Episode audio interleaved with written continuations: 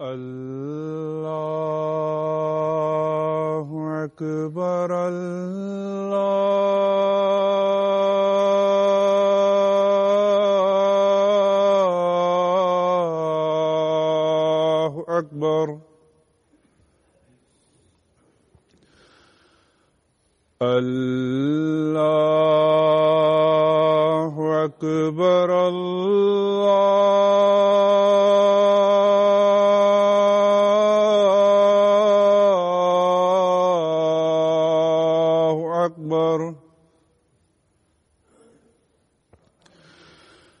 أشهد أن لا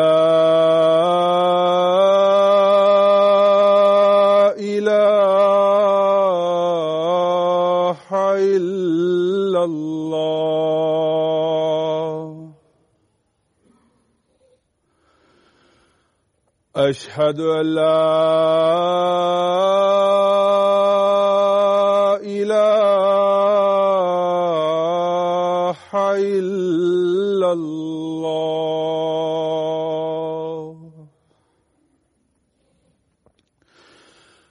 واشهد ان محمد رسول الله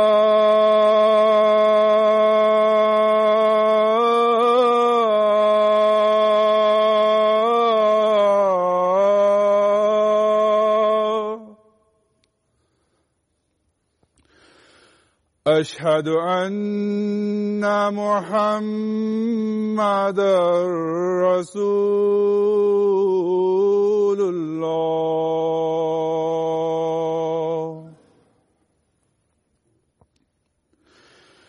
حي على السلام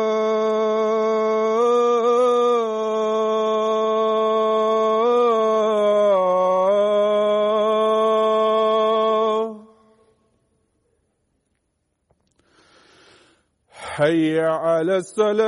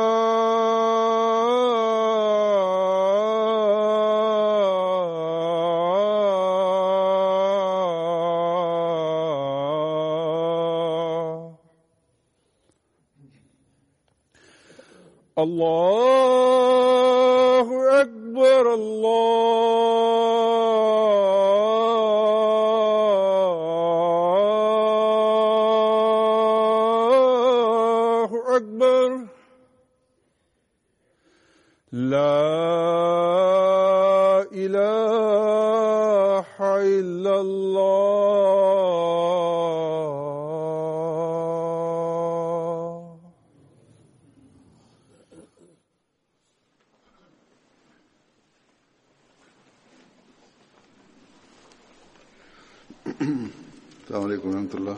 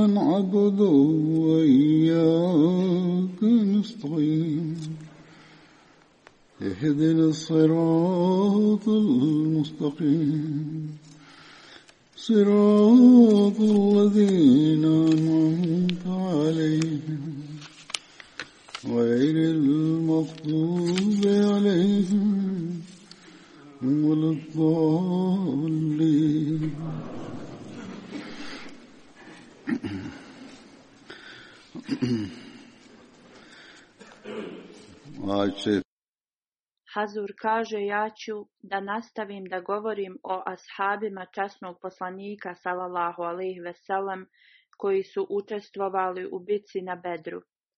Prvi ashab o kojem ću da govorim je Hazreti Sinan bin Abi Sinan. Pripadao je plemenu Benu Asad koji su bili pod ugovorom sa Benu Abd Ashams. On je učestvovao u bitci na Bedru i također je učestvovao u svim ostalim bitkama uz časnog poslanika sallallahu alejhi ve uključujući Uhud, Hendek i na sklapanju ugovora na Hudejbi.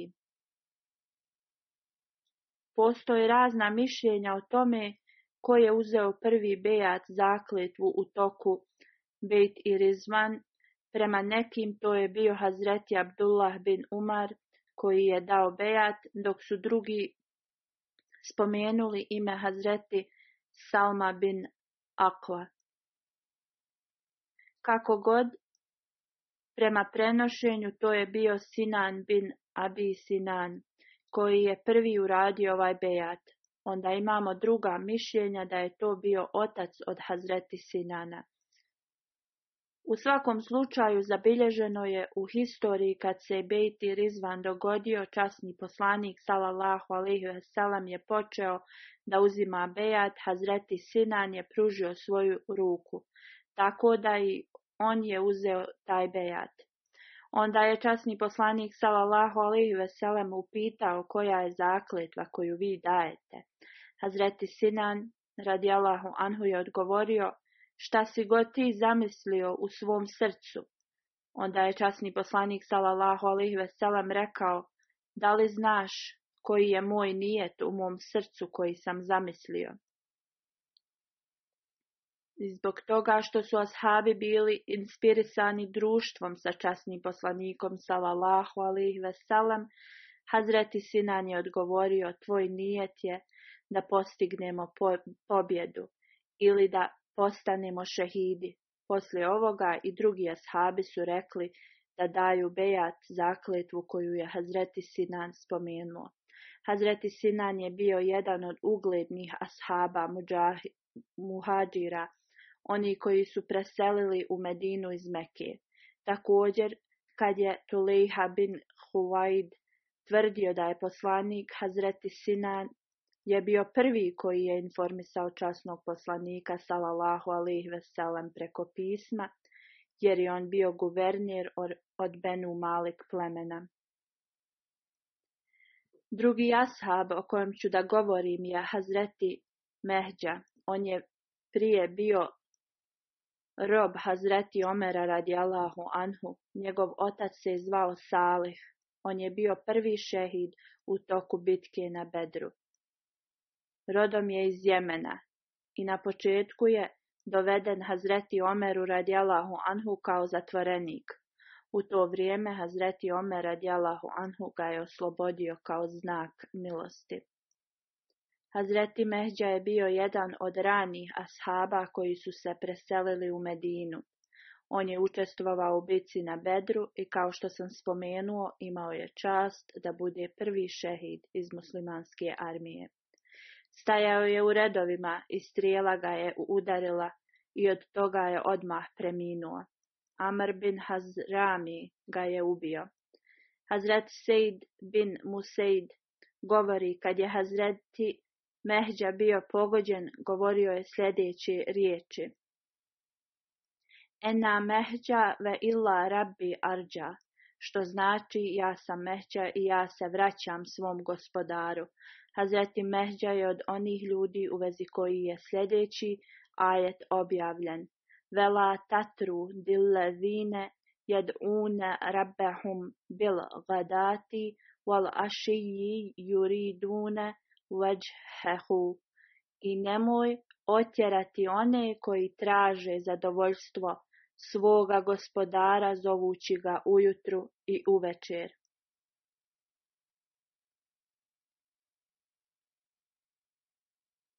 Osim njega sljedeći ashabi su također uključeni u ovaj ajet. Hazreti Bilal, Hazreti Suheib, Hazreti Amar, Hazreti Habab, Hazreti Udba bin Hazvan, Hazreti Aus bin Holi i Hazreti Amir bin Fuera. Kako god ovaj ajet ne znači da je Bože sačuvaj časni poslanik salallahu ve veselem odbacivao siromašne. Činjenica je da njegova ljubav, poštovanje, čast, briga za siromašne je bila neuporediva i iznad svih drugih. I ovo možemo da vidimo iz hadisa časnog poslanika sallallahu ve sellem, također iz komentara siromašnih ljudi tog vremena.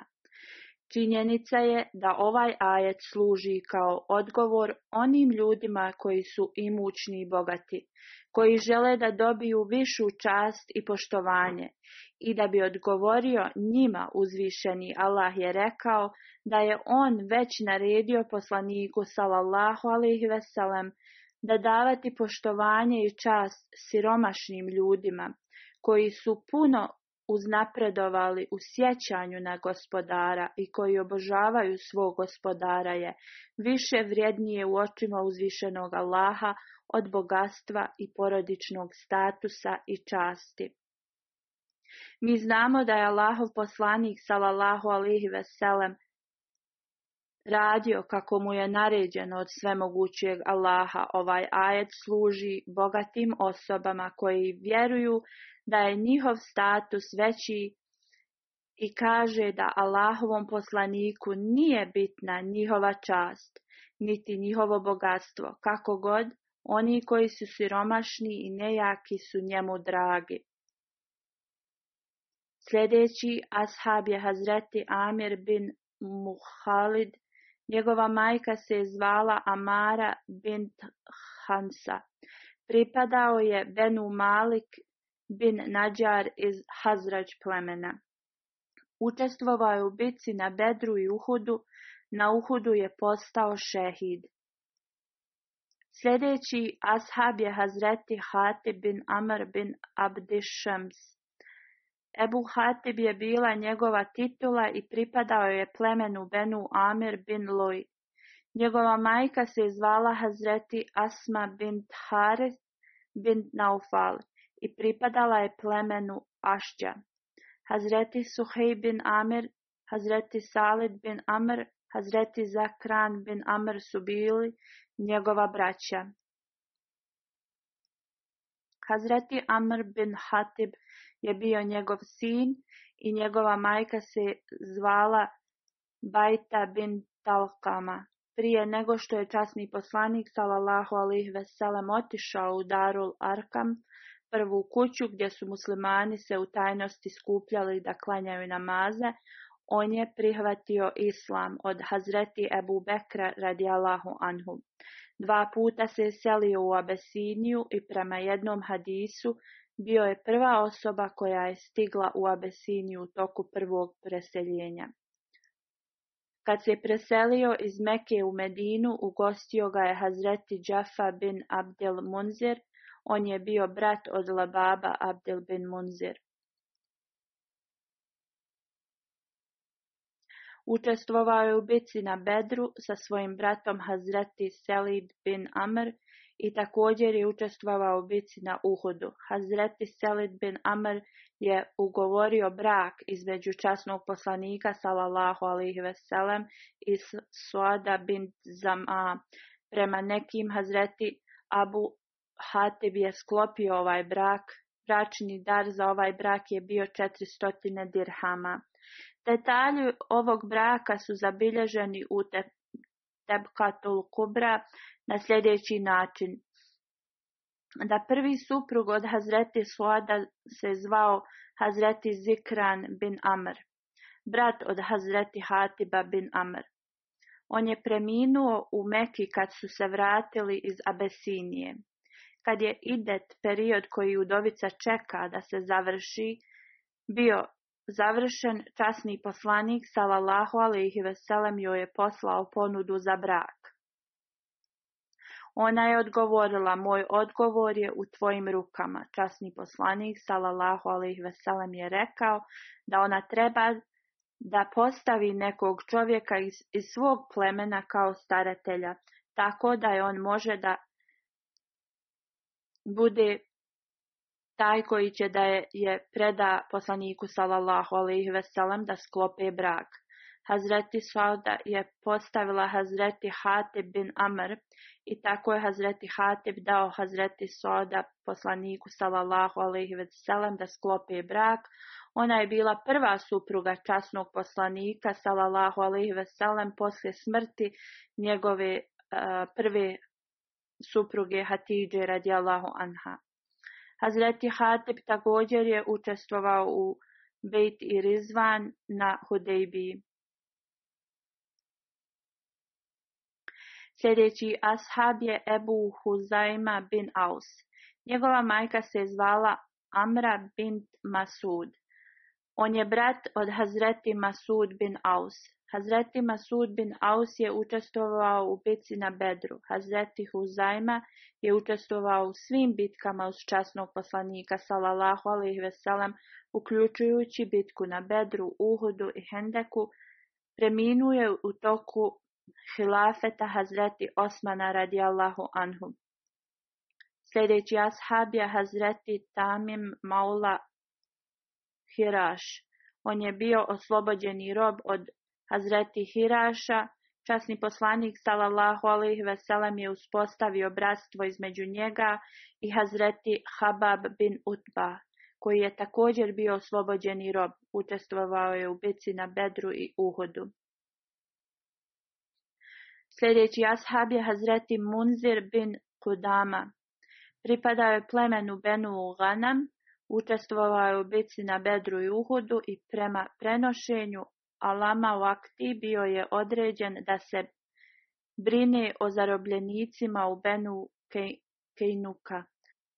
Sljedeći ashab je Hazreti Harid bin Hateb, njegova titula je bila Abu Abdullah, njegova majka se je zvala Umama bin Samit, pripadao je plemenu Aus koji su Ensarije, bio je brat Hazreti Salba bin Hateb, Hazreti Haris bin Hatibi Hazreti Ebu Lebaba bin Abdel Munzir su hodali prema Bedru uz časnog poslanika sallallahu alaihi veselem. Kad su stigli do mjesta Roha, časni poslanik sallallahu alaihi veselem je postavio Hazreti Lebaba bin Abdul Munzir za guvernera Medine, a Hazreti Harisa bin Hatiba kao poglavicu plemena Benu Amr bin Auf. I poslao ih je obadvojicu natrag u Medinu, kako god smatrajući obadvojicu njih da su učestvovali u bitci na Bedru, njima je također dodijeljen ratni plijen. Uključujući bitku na Bedru, Uhudu i Hendeku, on je imao čast da učestvuje uz časnog poslanika u toku Bejti i Rizvan, zato što je bio spreman da učestvuje u bitci na Bedru jer je punim srcem želio da učestvuje u ovoj bitki. Časni poslanik sallallahu alejhi ve sellem ga je ubrajao među one koji su učestvovali iako ga je poslao i postavio za poglavicu. U toku bitke na Hajberu jevrej ga je gađao strijelom koja ga je pogodila u glavu i postao je šehid. Sljedeći ashab je Hazreti Salbah bin Zaid, pripadao je ensarinskom plemenu Benu Hazrađ, učestvovao je u bici na Bedru, on je otac od Hazreti Sabit bin Alđiz. Njegova titula je bila Alđiz, nazvan je Alđiz zbog hrabrog srca, odlučnosti i jake riješenosti. Stablo jakog drveta se također naziva džiz. Također greda za krov se naziva džiz. Nema hadisa koje je on prenio, ali postoje neki hadisi u vezi njega. Hazreti Ukba bin Wahab, poznat je kao Ibni Abi Wahab, pripadao je plemenu Benu Abdi Shams koji su bili pod ugovorom sa Abd Manaf. Uključujući bitke na Bedru, Uhudu i Hendeku učestvovao u svim ostalim bitkama uz časnog poslanika sallallahu alaihi veselam, kad je jevrejska delegacija došla u Medinu da se sastanu s časnim poslanikom sallallahu alaihi veselam, Poslanik sallallahu alejhi ve sellem im je govorio o svojoj poruci, ali su oni otvoreno odbili poruku islama. Hazreti Ukba je bio među ashabima koji je otvoreno korio radi njihovog odbijanja poruke islama. Ovo je zabilježeno na sljedeći način. Jednom kad su Numan bin Ada, Bari bin Amr i Šad bin Adi došli kod časnog poslanika sallallahu alejhi ve sellem, Poslanik je razgovarao s njima i pozvao ih Allahovom putu. Pozvao ih je u islam i upozorio od Allahove kazne. Njihov odgovor je bio sličan kao od kršćana i rekli su, o Muhammede, pokušavaš da nas zastrašiš. Mi smo sinovi Božiji i njegovi voljeni. I radi njih sljedeći ajet je bio objavljen. وقالت اليهود والنصارى نحن أبناء الله وأحباؤه قل فلم يعذبكم بذنوبكم بل أنتم بشر ممن خلق يغفر لمن يشاء ويعذب من يشاء ولله ملك السماوات والأرض وما huma wa ilaihi masir. Prevod glasi, jevreji i kršćani kažu, mi smo djeca Božija i njegovi miljenici. Ti reci, zašto vas on onda kažnjava zbog vaših grijeha?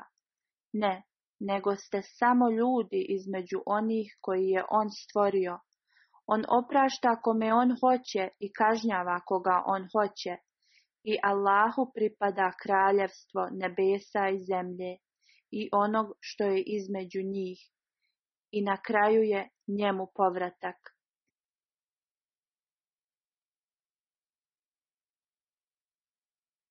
Prema Ibn Isal, poslije kad je časni poslanik sallallahu alaihi veselem pozvao grupu da prime islam i upozorio ih da ne pripisuju druga Allahu, oni ne samo da su odbili časnog poslanika, salallahu alih veselam, također njegovo učenje.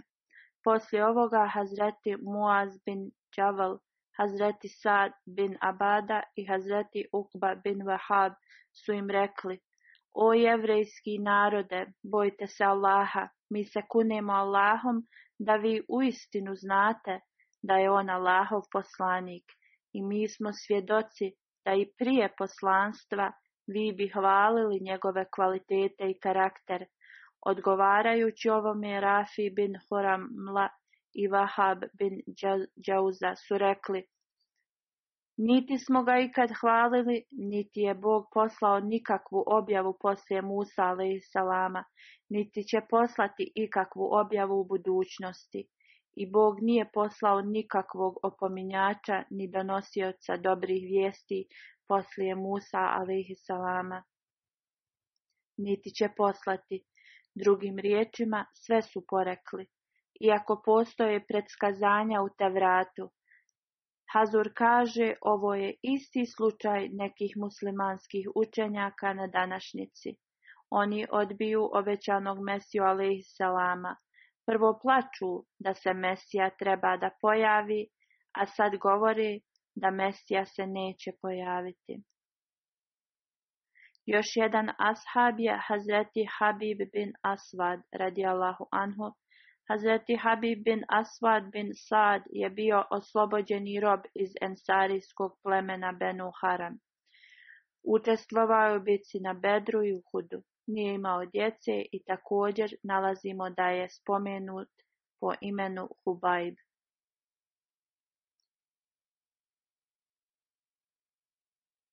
Sljedeći ashab je Hazret Hasima Ensarija, pripadao je Benu Ašđa, plemenu koji su bili u ugovoru sa Benu Ganam bin Malik bin Nađar. Učestvovao je bici na Bedru, Uhudu i Hendeku i svim ostalim bitkama uz časnog poslanika sallallahu Ve veselem preminuo je u vremenu Hazreti Muavija bin Ebu Sufjan. Sljedeći ashab je Hazreti Rafaj bin Haris, njegovo puno ime je Rafaj bin Haris bin Sawad, pripadao je ensarinskom plemenu Benu Nadjar učestvovao je u svim borbama uz časnog poslanika sallallahu alejhi ve sellem uključujući bitku na Bedru, Uhudu i Hendeku. Preminuo je u toku hilafeta Osmana radijallahu anhu. On je imao sina koji se zvao Haris. Sljedeći ashab je Hazreti Rukhail bin Salba. On je učestvovao također u bitci na Bedru, kako god postoje razna razne verzije u vezi njegovog imena, neki kažu da je Ruhajla, drugi Ruđajla, Ruhala i tako dalje. Njegov otac je bio Salba bin Halid, učestvovao je u bici na Bedru i Uhudu i pripadao je ogranku plemena Benu Hazrađ, koje se zvalo Benu Bajaza, Pratio je Hazreti Alija radijalahu anhu u toku bitke na Sifin. Hazreti Džabir bin Abdullah bin Rajab je još jedan asab i ubrojan je u prvi šest ensarija koji su uzeli Bejat u Meki, učestvovao je u svim borbama uz časnog poslanika sallallahu alaihi veselam, uključujući bitku na Bedru, Uhudu i Hendeku. On je također prenosioc hadisa, kad je bila prva zakletva na Akbi, on je bio prvi od Ansarija da prihvati islam. Neki ashabi su se sastali sa poslanikom sallallahu alaihi veselam u toku noći prije zakletve na Akbi. Poslanik ih je upitao iz kojeg plemena dolazi, bilo ih je šest i rekli su da su iz Benu Nađar. I Hazreti Đaber je dao pun detalj u vezi ovoga. Ovo su sljedeći koji su svi postali muslimani na tom Bejato Akva. Asad bin Zarara, Hazreti Auf bin Haris bin Rafi bin Afra, Hazreti Rafi bin Malik bin Ajlan, Hazreti Utba bin Amir bin Hadida, Hazreti Ukba bin Amr bin Zaid, Hazreti Jabir bin Abdullah bin Rajab. Kad su se oni vratili u Medinu, govorili su ljudima o islamu. Sljedeći ashab je Hazreti Sabit bin Akram bin Salba, učestvovao je u bici na Bedru. Njegovo puno ime je Hazreti Sabit bin Akram bin Salba bin Adi bin Ađlan. Njegovo pleme je bilo pod ugovorom sa ensarinskim plemenom Benu Amr bin Auf Uključujući bitku na Bedru učestvovaju u svim ostalim borbama uz časnog poslanika sallallahu alejhi ve sellem. Kad je časni poslanik sallallahu alejhi ve sellem stigao u Medinu, rekao je Asimum bin Adi da nas da napravi kuću u džami, kako god Asim je odgovorio Allahov poslaniće, ja neću stanovati u ovoj džami. Ja cijenim šta je Allah objavio kako god možete dati da Sabit bin Akram stanuje u džamiji jer on nema kuću. Tako časni poslanik sallallahu alejhi ve je dao tu kuću njemu. Hazreti Sabit bin Akram nije imao djece. Hazur kaže u vezi ovog hadisa da mjesto u džamiji koje je njemu dato da stanuje je vjerovatno neki dio džamije ili odmah pored džamije. Hazur također kaže, osjećam da prevodioci nisu preveli ovaj hadis i događaj kako treba. Neki ovi događaji imaju opširniju priču o njima i ovi koji prevode i dostavljaju meni bi trebali da malo istraže detalje. Ne bi samo trebali da prevedu ove zabilješke i da ih samo pošalju meni kao djeca iz škole. poslije u toku bitke na Mauta, poslije kad je Abdullah bin Ravaha bio ubijen, zastavu je nosio Hazreti Sabit bin Akram. I on je rekao, o muslimani, izaberite jednog od vas kao vođu. Ljudi su odgovorili, mi tebe izabiramo kao našeg vođu. Kako god on im je odgovorio, ja ne mogu biti vođa. Onda su ljudi izabrali Hazreti Halida bin Velida za vođu. Ovo je napisano ibni Hišem Siratu Nabi. Spomenuto je u historiji da u bici Mauta kad su muslimani vidjeli mm, neprijatelje u većem broju i koji su bili naoružani do zuba mislili su da će biti nemoguće da se bore protiv njih. Hazreti Ebu Hureyra radijallahu anhu prenosi da je učestvovao u bici na Mauta i on kaže kad smo vidjeli neprijatelje u velikom broju i naoružanju sa konjima i tako dalje, mislili smo da je nemoguće za muslimane da se odbrane. Neki su se i razbježali. Hazreti Sabit bin Akram mu je rekao, o Ebu Hureyre, izgledaš da si savladan vidjevši ovu ogromnu vojsku. Na ovo je Ebu rekao, rekao, uistinu jesam. Hazreti Sabit bin Akram je rekao, zar nisi bio sa nama u bici na bedru? Zar nismo bili pobjednici, iako su oni bili dosta brojniji i jači od nas?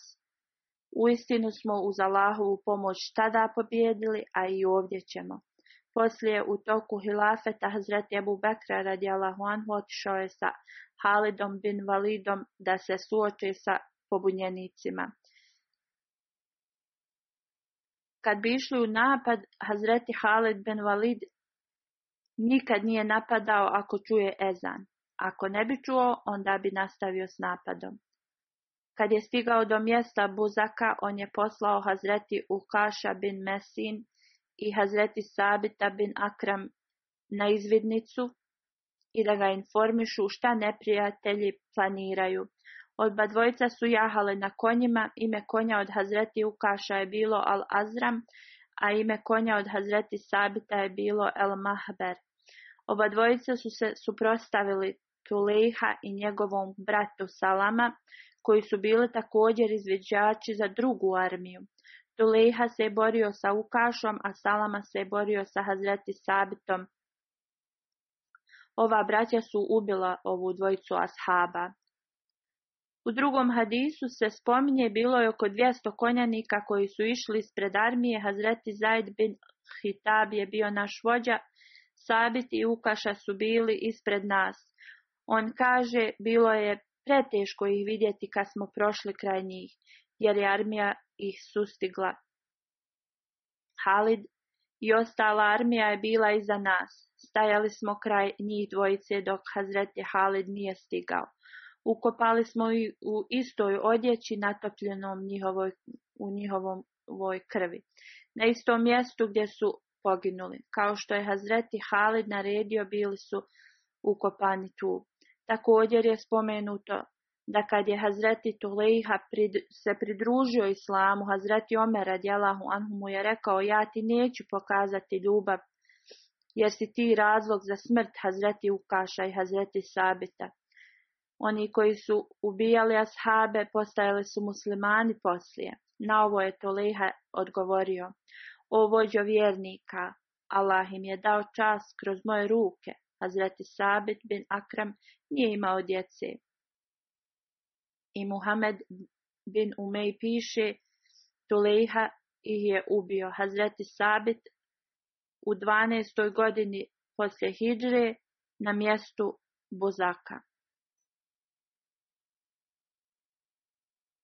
Sljedeći ashab je Hazreti Salma bin Salama, on je učestvovao u bici na Bedru, on je Ensarija i pripadao je plemenu Benu Ašar iz Benu Aus plemena. On je bio među prvim da povjeruje u časnog poslanika salalahu alaihi veselam kad su novosti o njemu stigle u Medinu. Učestvovao je u prvom i drugom bejatu na Akba. Imao je čas da učestvuje u svim borbama uz časnog poslanika sallallahu ve veselam, uključujući bitku na Bedru, Hazret Omer radijallahu anhu ga je postavio kao vođu jamama u toku njegovog hilafeta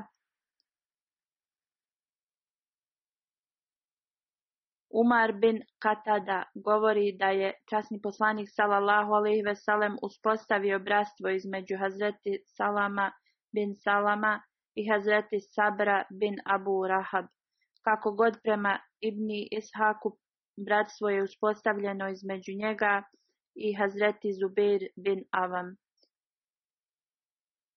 On spominje događaj iz svog djetinstva. Kaže, jednom kad sam bio mali i sjedio sam s mojom porodicom, jedan jevrejski učenjak je došao i govorio je o sudnjem danu i u vezi dobrih i loših dijela o dženetu i džehennemu. On je rekao da mnogobošci i idolopoklonici će biti bačeni u džehennemsku vatru. Njegova porodica je obožavala idole i nisu razumjeli koncept u vezi mrtvih da će biti oživljeni ponovo. Upitali su ovog jevrejskog učenjaka da li će zaista mrtvi biti oživljeni ponovo i da li će biti odgovorni za svoja dijela na budućem svijetu. Oni nisu imali razumijevanje o budućem svijetu. Ovaj jevrejski učenjak je rekao da. Onda su ga pitali, postoji li znak za ovo? On je go odgovorio i pokazao prema Meki i Jemenu i rekao. Poslanik će se pojaviti odatle. Onda su ga pitali, kad će se pojaviti? I on je pokazao prema meni i rekao, ako ovaj dječak nastavi živjeti, on će uistinu da vidi tog poslanika. Hazreti Salma kaže, samo nekoliko godina poslije ovoga mi smo čuli da se časni poslanik salallahu alaihi veselam pojavio i mi smo ga svi prihvatili. Svi idolopoklonici i oni koji su vatru obožavali su prihvatili časnog poslanika, salallahu alaihi salam, kako god ovaj isti jevrejski učenjak je također bio živ u to vrijeme, ali on nikad nije prihvatio časnog poslanika, salallahu alaihi salam, zbog svoje ljubomore. On kaže, mi smo ga pitali da je on bio taj koji nas je informisao u vezi dolaska časnog poslanika sallallahu ve salam, a sad ne želi da ga prihvati. On bi govorio ovo nije poslanik o kojem sam vam ja govorio. Ova osoba je preminula, ali nikad nije povjerovao. U toku hilafeta Hazreti Osmana radijallahu anhu kad su se pobune povećale, Hazreti Salama bin Salma se osamio i posvetio obožavanju Allaha.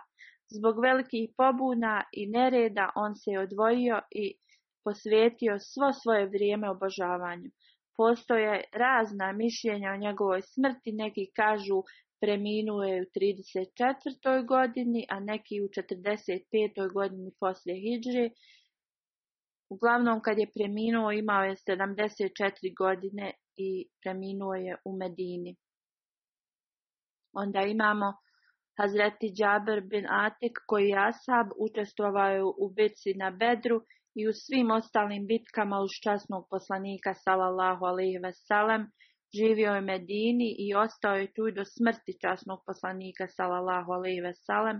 Njegova titula je bila Abdullah, imao je dva sina, Atik i Abdullah i jednu kćerk mi Sabit.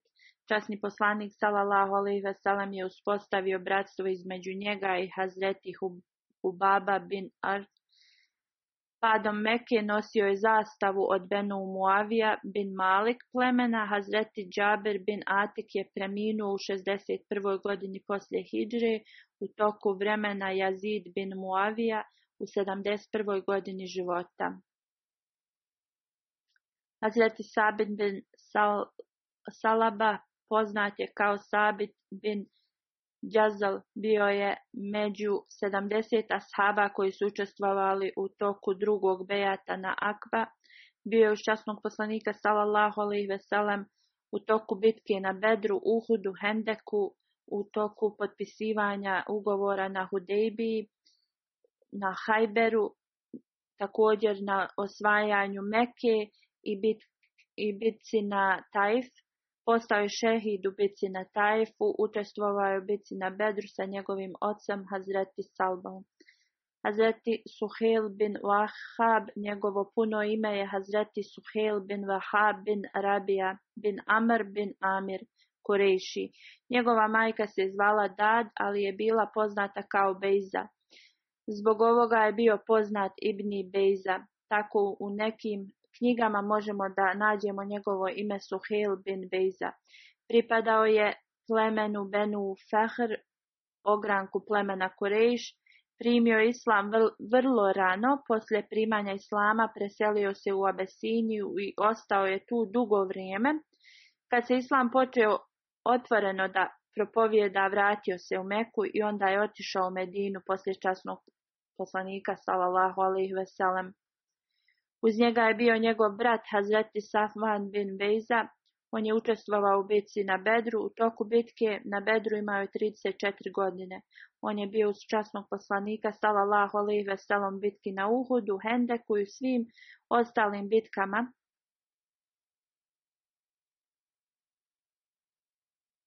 Njegov drugi brat Sehli je učestvovao u bitci na Bedru na strani neprijatelja, Preneseno je da je Sehel primio islam u Meki, ali nije nikome rekao u vezi toga, tako da su ga Kurešije u bitku na Bedru. Onda je bio zarobljen. Hazreti Ibn Masud je napisao u vezi njega testament da ga je vidio da klanja u Meki i tako je bio oslobođen. Poslije je preminuo u Medini i časni poslanik sallallahu ve je klanjao njegovu i Hazreti Suhail Džanazu u džamiji. Hazreti Suhil bin Bejaza prenosi da je časni poslanik sallallahu alaihi veselam ga postavio iza sebe u njegovom karavanu na putu prema bici na tabaku i on kaže da je časni poslanik tri puta glasno ponovio o Suheil, na što je on uzvraćao poslaniku lebejk ja Resulallah, dok i drugi ljudi nisu bili u stanju da čuju ovo. Svi su ljudi ispred i iza pritečali prema poslaniku sallallahu alejhi ve Ovo je bio njihov stil da zovu ljude i da privuku njihovu pažnju. Poslije ovoga časni poslanik sallallahu alejhi ve je rekao: da oni koji svjedoče da uzvišeni Allah nema partnera, da je on jedan i da mu nema niko ravan, onda će Allah da spasi ovakve osobe od vatre. Časni poslanik sallallahu alaihi veselem ih je sve skupio i rekao da oni koji svjedoče da uzvišeni Allah nema partnera, da je on jedan i da mu nema niko ravan, onda će Allah da spasi ovakve osobe od vatre. Hazur kaže, ovo je u historijskim knjigama koje muslimani čitaju, ovo je definicija muslimana. Kako god, njihova djela i ponašanje je totalno drugačije od ovoga. Hazreti Anas prenosi da nisu imali nikakvog vina osim vina koje je napravljeno od hurmi. Jednom sam stajao i davao sam vino Ebu Talhi da pije. Kad je osoba došla i rekla, da niste dobili vijesti? On je rekao, kakve vijesti? Ovaj je odgovorio da vino je zabranjeno. Ljudi kojima je i Anas davao da piju su rekli isprazni ove posude i nikad poslije ovoga nisu pili vino, niti su ikad pitali u vezi vina. Jedna naredba im je data i oni su je slušali na takav način da nikad nisu ni upitali ništa u vezi vina. Dokazano je u drugim hadisima da su Hazreti Abu Talha, Hazreti Abu Dađana i Suhel bin Bejza koji su pili vino u to vrijeme. U devetoj godini poslije Hidre na povratku iz bitke na Tabuku on je preminuo i časni poslanik salallahu alaihi ve mu je klanjao dženazu u Mešdid Nabvi. Nije imao djece. Hazreti Ibad bin Abdullah bin Zubeid prenosi da je Hazreti Ajša radijallahu anha naredila da dženaza od Hazreti Sad bin Ebi Wakas prođe kroz džamiju, da ga donesu u džamiju tako da i ona može da klanja dženazu. Ljudi su smatrali da je ovo naređenje Hazreti Ajše radijalahu anha neispravno i čudno. Hazreti Ajša radijalahu anha je rekla kako brzo vi zaboravljate da je časni poslanik sallallahu alejhi ve sellem klanjao dženazu od Suhail bin Bejza u džamiji, ljudi su bili mišljenja da se dženaza klanja samo polju, tako da je Hazreti Ajša radijalahu anha ih ispravila govoreći da može da se klanja i u džamiji. Hazreti Tufel bin Haris koji je u uz svoju braću Hazreti Ubejda i Hazreti Hasib učestvovao u bitkama na Bedru, Uhudu, Hendeku i svim ostalim bitkama uz časnog poslanika sallallahu ve veselem. Časni poslanik sallallahu ve salam, je uspostavio bratstvo između njega i Munzir bin Muhameda. Prema drugim hadisima sa Hazreti Sufijan bin Nasal.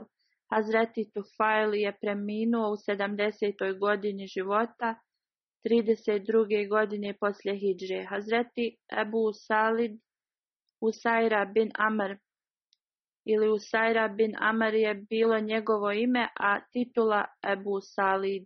Bio je poznati kao Ebu Salid. Njegov otac Amr je poznat kao Ebu Har Haridžah. Učestvovao je sa časnim poslanikom sallallahu alejhi ve u bitci na Bedru i svim ostalim bitkama. Bio je iz plemena Adi bin Nađar, ogranak plemena Hazrađ. Njegov otac Ebu Haridja bin Amr bin Kajs je također ashab koji je učestvovao u bitci na Bedru. Njegov sin Abdullah prenosi od njega da je časni poslanik sallallahu alejhi veselam zabranio da se jede meso od magarca u to vrijeme. Tad su posude bile pune mesa od magarca koji su oni kuhali i oni su odmah te e, posude ispraznili. Hazreti Salbah bin Hatib Ansari, Ansarija je bio ashab iz plemena Benu Amr bin Auf, ogranka plemena Aus, učestvovao je u bici na Bedru, Uhudu, postoje hadisi da je učestvovao u bici na Bedru i drugim bitkama.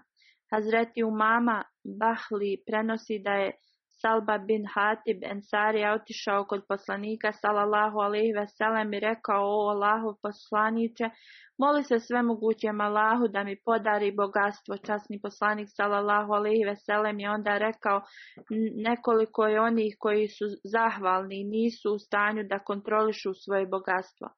Časni poslanik sallallahu alaihi veselem se nije molio u to vrijeme. Malo poslije on je opet došao poslaniku sallallahu alaihi ve i rekao: "Moli se da dobijem bogatstvo." Časni poslanik sallallahu alaihi ve mu je odgovorio: "Zar moj primjer nije dovoljan za tebi prema tom blagu koje ti želiš?" Časni poslanik sallallahu alaihi ve je onda rekao: "U ime onoga u čijoj ruci je moj život, ako kažem da planine postanu zlato ili srebro za mene, uistinu bi se to desilo." kako god ja to ne tražim, jer osoba ne bi trebala da ima želju za blagom. Onda je otišao po treći put časnom poslaniku salalahu alaihi veselem i rekao, moli salahu koji te je poslao s istinom da mi podari bogatstvo.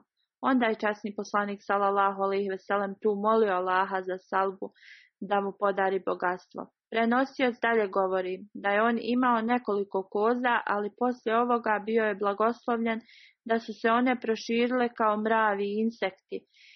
I tako se desilo da bi se brinuo o njima, on je prestao da klanja podne i kindiju namaz u džami i klanjao bi kod kuće. Onda se stado proširilo još više i prestao je da dolazi na džumu namaz. Petkom časni poslanik sallallahu alejhi ve sellem bi pitao u vezi ljudi i on je upitao u vezi salbe. Ljudi su rekli da ima ogromno stado koza, čitava dolina je puna i previše je zauzet da se brine za njih. Zbog toga nije mogao da dođe na džumu. Časni poslanik sallallahu alejhi ve sellem je pokazao tugu u vezi ovoga i ponovio je to tri puta. Onda ajeti u vezi zakata su objavljeni. Časni poslanik sallallahu alejhi ve sellem je poslao dvije osobe da uzmu zekat od njega. Kad su mu došli, nije dao zekat i našao je izgovor, rekao im je da odu da uzmu zekat od drugih ljudi, pa na povratku kad se budu vraćali, opet kraj njega da će im dati. Oni su došli i posjetili druge ljude. Jedna osoba je dala najbolju kamilu za zekat. Ovi ljudi koji su skupljali zekat rekli su mu mi ne tražimo najbolje. Kako god čovjek je rekao da je on sretan da da najbolju kamilu za svoj zekat. Ovo je dug hadis, ali on na kraju nije platio zekat. Ovo, ove osobe su se vratile i saopštile sve časnom poslaniku sallallahu alaihi veselam, koji je rekao da sljedeći ajci su objavljeni, a to su 75. do 76 sedmi ajet iz sure at I oni počinju sa ve min humen le in atana min fedlihi idu do ve bima kanu zibun.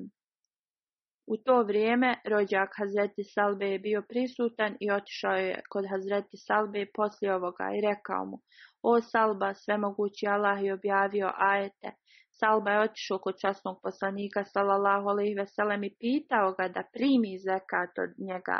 Ali časni poslanik sallallahu alaihi veselem mu je rekao da uzvišeni Allah mi je zabranio da uzmem zekat od tebi i vratio se neuspješan. Onda u vrijeme Hazreti Abu Bekra radijalahu anhu on je donio svoj zekat, ali on mu nije prihvatio taj zekat. Isto u vrijeme Hazret Omera radijallahu anhu donio je zekat, ali je i on odbio da primi i rekao je da on ne može da prihvati nešto što je časni poslanik sallallahu alaihi veselem odbio. Onda kad je Hazreti Osman radijallahu anhu postao halifa, tražio je od njega da uzme zekad, ali on nije također primio i odbio je. On je preminuo u toku hilafeta Hazreti Osmana radijalahu anhu. U vezi ovog incidenta rečeno je za ashabe koji su učestvovali u bici na bedru da će uistinu ući u dženet. A sa druge strane imamo dug hadis koji govori da njegov zekat nije bio primljen.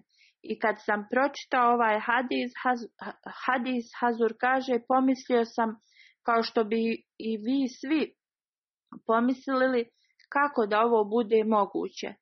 Možda je ovaj hadis neispravan i možda je u vezi nekoga drugog.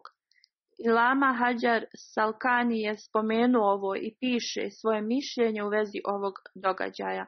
On kaže ako je ovaj incident istinit da od ovoga shaba Zekad nije bio prihvaćen, onda moje mišljenje je da ova osoba nije bio Hazreti Salba zato što je on bio ashab koji je učestvovao na, u bici na Bedru, a u vezi ashaba koji su učestvovali u bici na Bedru, uzvišeni Allah je otvoreno rekao da njima će biti oprošteno i nije moguće da bi Hazret Salba mogao da ima ikakvog licemjerstva ili da pokaže slabost. On dalje piše iz pisanja od Ibn Kalbi, možemo da vidimo da su, da su o ovo dvije različite osobe. Ashab koji je učestvovao na Bedru je ubijen u toku bitke na Uhudu, a ovo je utvršeno još više iz drugog dokaza koji prenosijac komentariše u vezi ovih ajeta. Ibn Abbas je zapisao događaj o čovjeku Salba bin Ebi Hatib, koji je bio Ensarija. Na jednom skupu je rekao, ako mi uzvišenjala Allah podari njegovu milost i onda je on naveo ovaj događaj koji sam ja već naveo prije. Ova osoba je bio Salba Ebi bin Hatib, gdje je osoba koja je učestvovala u bici na Bedru. Svi se slažemo da je njegovo ime bilo Salba bin Hatib. Ovo je dalje dokazano sa riječima časnog poslanika sallallahu alejhi ve sellem kad je rekao bilo ko je učestvovao u bici na Bedru na događaju kod Hudejbije, on je ovo rekao, ni jedan musliman neće ući u džehennem. Onda imamo hadis gdje je uzvišen Allah rekao vezja ashaba sa bedra, da mogu da rade šta god hoće jer je njima oprošteno. Onda piše ako osoba ima ovoliki status kako će onda uzvišeni Allah nagraditi licemjerstvo u njegovom srcu. Ako neko ima licemjerstvo u njegovom srcu nemoguće je da uđe u džennet. Onda nastavlja kako neko može da dobije sve ovo, a da ima licemjerstvo u srcu. Ovo je ovo je razjašnjeno da osoba iz ovog hadisa je neko drugi. Nije bio Hazreti Salba, on je bio ubijen ranije, a osoba koja je spomenuta u hadisu je Salba bin Ebi Hatib. I razlog zašto je greška napravljena je radi sličnih imena Salba bin Hatib i Salba bin Ebi Hatib. Su dvije različite osobe. Ovo nerazumijevanje ne može se nikad pripisati ashabima koji su učestvovali bici na bedru, da je on uradio ovako nešto. I također da Allah uzvišeni blagoslovi Alma Hadžri Salkani koji je razjasnio ovo sa velikim razumijevanjem i dokazima i odklonio je ovo od ovog ashaba, što je bilo protiv njega koristeći historijske dokaze. Hazreti Sad bin Usman bin Haldah ansarija prema nekima se zvao Hazreti Seid bin Usmani, učestvovao je u na Bedru, on je bio od ashaba koji su pobjegli sa svog mjesta u toku bitke na Uhudu, kako god uzvišeni Allah im je svima oprostio u časnom Kur'anu, on je bio brat od Hazreti Ukva. Jedne prilike časni poslanik sallallahu alaihi veselem je otišao u Biri i ha, u Harara. U ovim danima oni su bili pod kroviteljstvom Hazreti Sada. Hazreti Sad je ostavio svog sina Abada da daje vodu ljudima, Hazreti Abada nije prepoznao časnog poslanika sallallahu alaihi veselem kad se njegov otac Hazreti Sad vratio, njegov sin mu je opisao osobu koja je došla i on mu je rekao da je to bio časni poslanik sallallahu alaihi veselem i da odmah trči za njim. Kad ga je pristigao, časni poslanik salallahu alaihi veselem je stavio svoju ruku na glavu Hazreti Abada i molio se za njega. Hazreti Sad bin Usman je imao 80 godina kad je preminuo.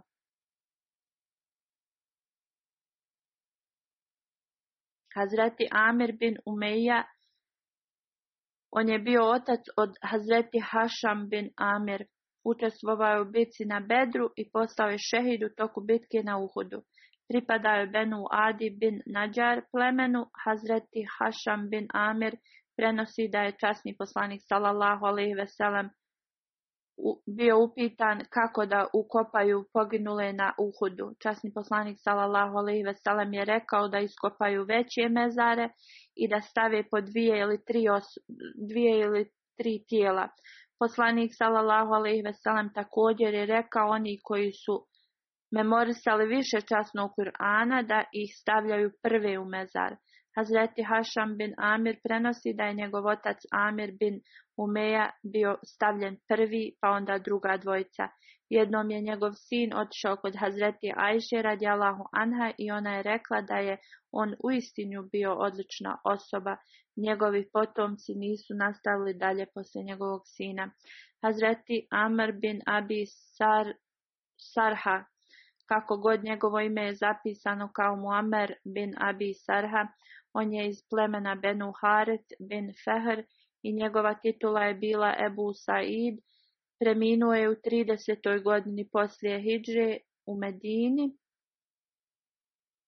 u toku hilafeta Hazreti Osmana radijallahu anhu, njegov brat Hazreti Vaha bin Abi Sarha je bio među onim koji su se preselili u Abesiniju i oba dvojica braće su učestvovali u bici na Bedru. Oni su bili uz časnog poslanika sallallahu alaihi ve u svim ostalim bitkama, uključujući bitku na Uhudu i Hendeku. Njegovi potomci nisu dalje nastavili, kad se preselio iz Meke u Medinu, boravio je u kući Hazreti Kulsum bin Hadam. Hazreti Asma bin Husayn je bio ashab koji je pripadao plemenu Benu Auf bin Hazrađ. Njegov brat Hubail bin Vabra je dobio ime po djedu Vabra. Neki misle da je on učestvovao u bici na Bedru, dok drugi su mišljenja da nije učestvovao, također imaju različita mišljenja u vezi njegovog imena. Neki su zabilježili njegovo ime kao Halifa bin Adi, neki Hulefa bin Adi, učestvovao je u bici na Bedru i Uhudu. Halifa bin Adi bin Amr bin Malik bin Ali bin Bejzad je od onih osoba koji su učestvovali na, u bici na Bedru primio islam prije bitke na Bedru i prva stvar koju je uradio poslije primanja islama je da se da učestvuje u bitci na Bedru i tako je dobio čas da bude među ashabima koji su ubrojani među ashabe sa Bedra, učestvovao je u bitci na Uhudu, nije spomenuto kad je preminuo, njegovo ime se spominje u toku hilafeta Hazreti Alija radijalahu anhu gdje je učestovao u svim bitkama u tom vremenu i ne spominje se godina kad je preminuo. Hazreti Muaz bin Maiz je postao šehid u toku incidenta kod Bire Mauna.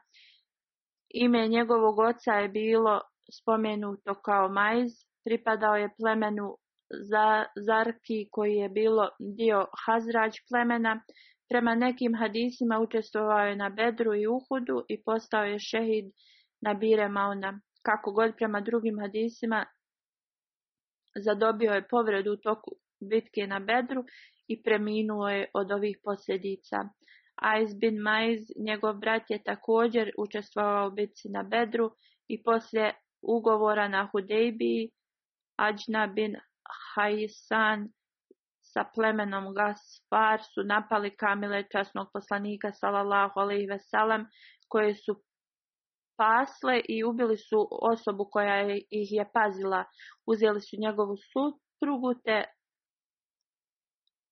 i, i te kamile sa njima. Kad je časni poslanik sallallahu alaihi veselem saznao o ovome, poslao je osam konjanika da istignu. Hazreti Muaz bin Majz je bio jedan od njih. Prema, ovom hadisu, Hazreti Ebu Ajaš je bio među ovim osam konjanika. Prije nego što su krenuli, časni poslanik sallallahu alaihi veselam je rekao Hazreti Ebu Ajaš da da svog konja nekom koji je iskusniji od njega. Ebu Ajaš je rekao, o Allahu poslaniće, ja sam najiskusniji jahač od sviju. On onda kaže, poslije malo jahanja, njegov konj ga je izbacio sa sebe. Ebu Ajaš kaže da je bio vrlo zabrnjut, jer je časni poslanik salallahu alaihi veselem savjetovao da je bolje da ide neko drugi sa njegovim konjem, kako god on je insistirao da je najiskusniji. Prema Benu Zurek, Hazreti mu Muaz bin Maiz je dobio konja od Ebu Ajaša.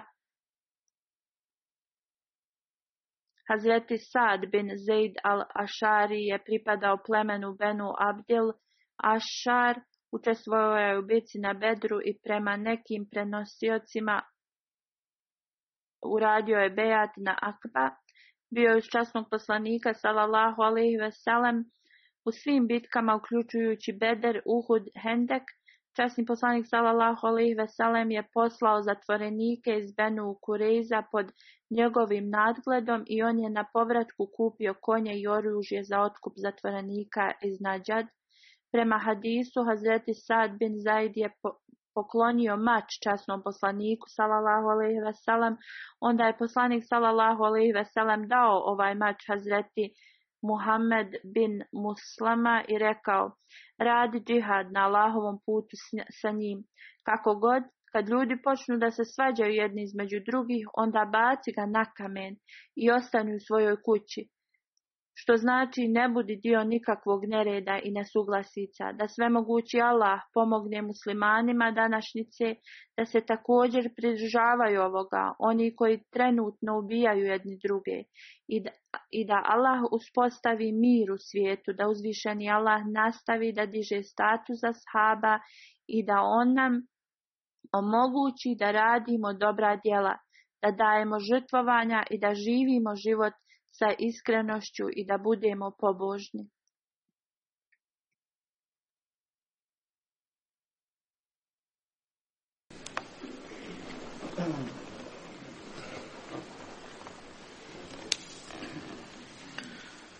Alhamdulillah Alhamdulillah innost. ونؤمن به ونتوكل عليه ونعوذ بالله من شرور أنفسنا ومن سيئات أعمالنا من يهده الله فلا مضل له ومن يضلل فلا هادي له ونشهد أن لا إله إلا الله ونشهد أن محمدا عبده ورسوله عباد الله رحمكم الله إن الله يأمر بالعدل واللسان وإيتاء ذي القربى وينهى عن الفحشاء والمنكر والبغي يعظكم لعلكم تذكرون اذكروا الله يذكركم ودوه يستجب لكم ولذكر الله أكبر